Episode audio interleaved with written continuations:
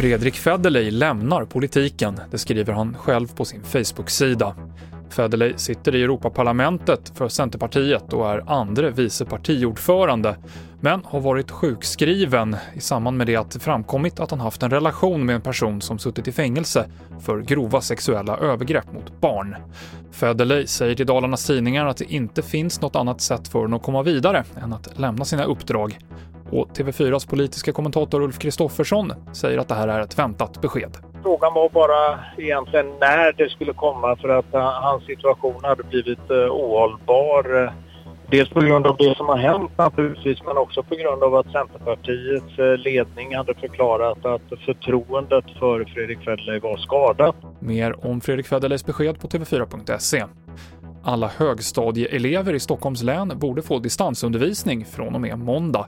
Smittskyddsläkaren i Region Stockholm säger att risken för smittspridning gör att idag borde vara sista dagen med undervisning på plats.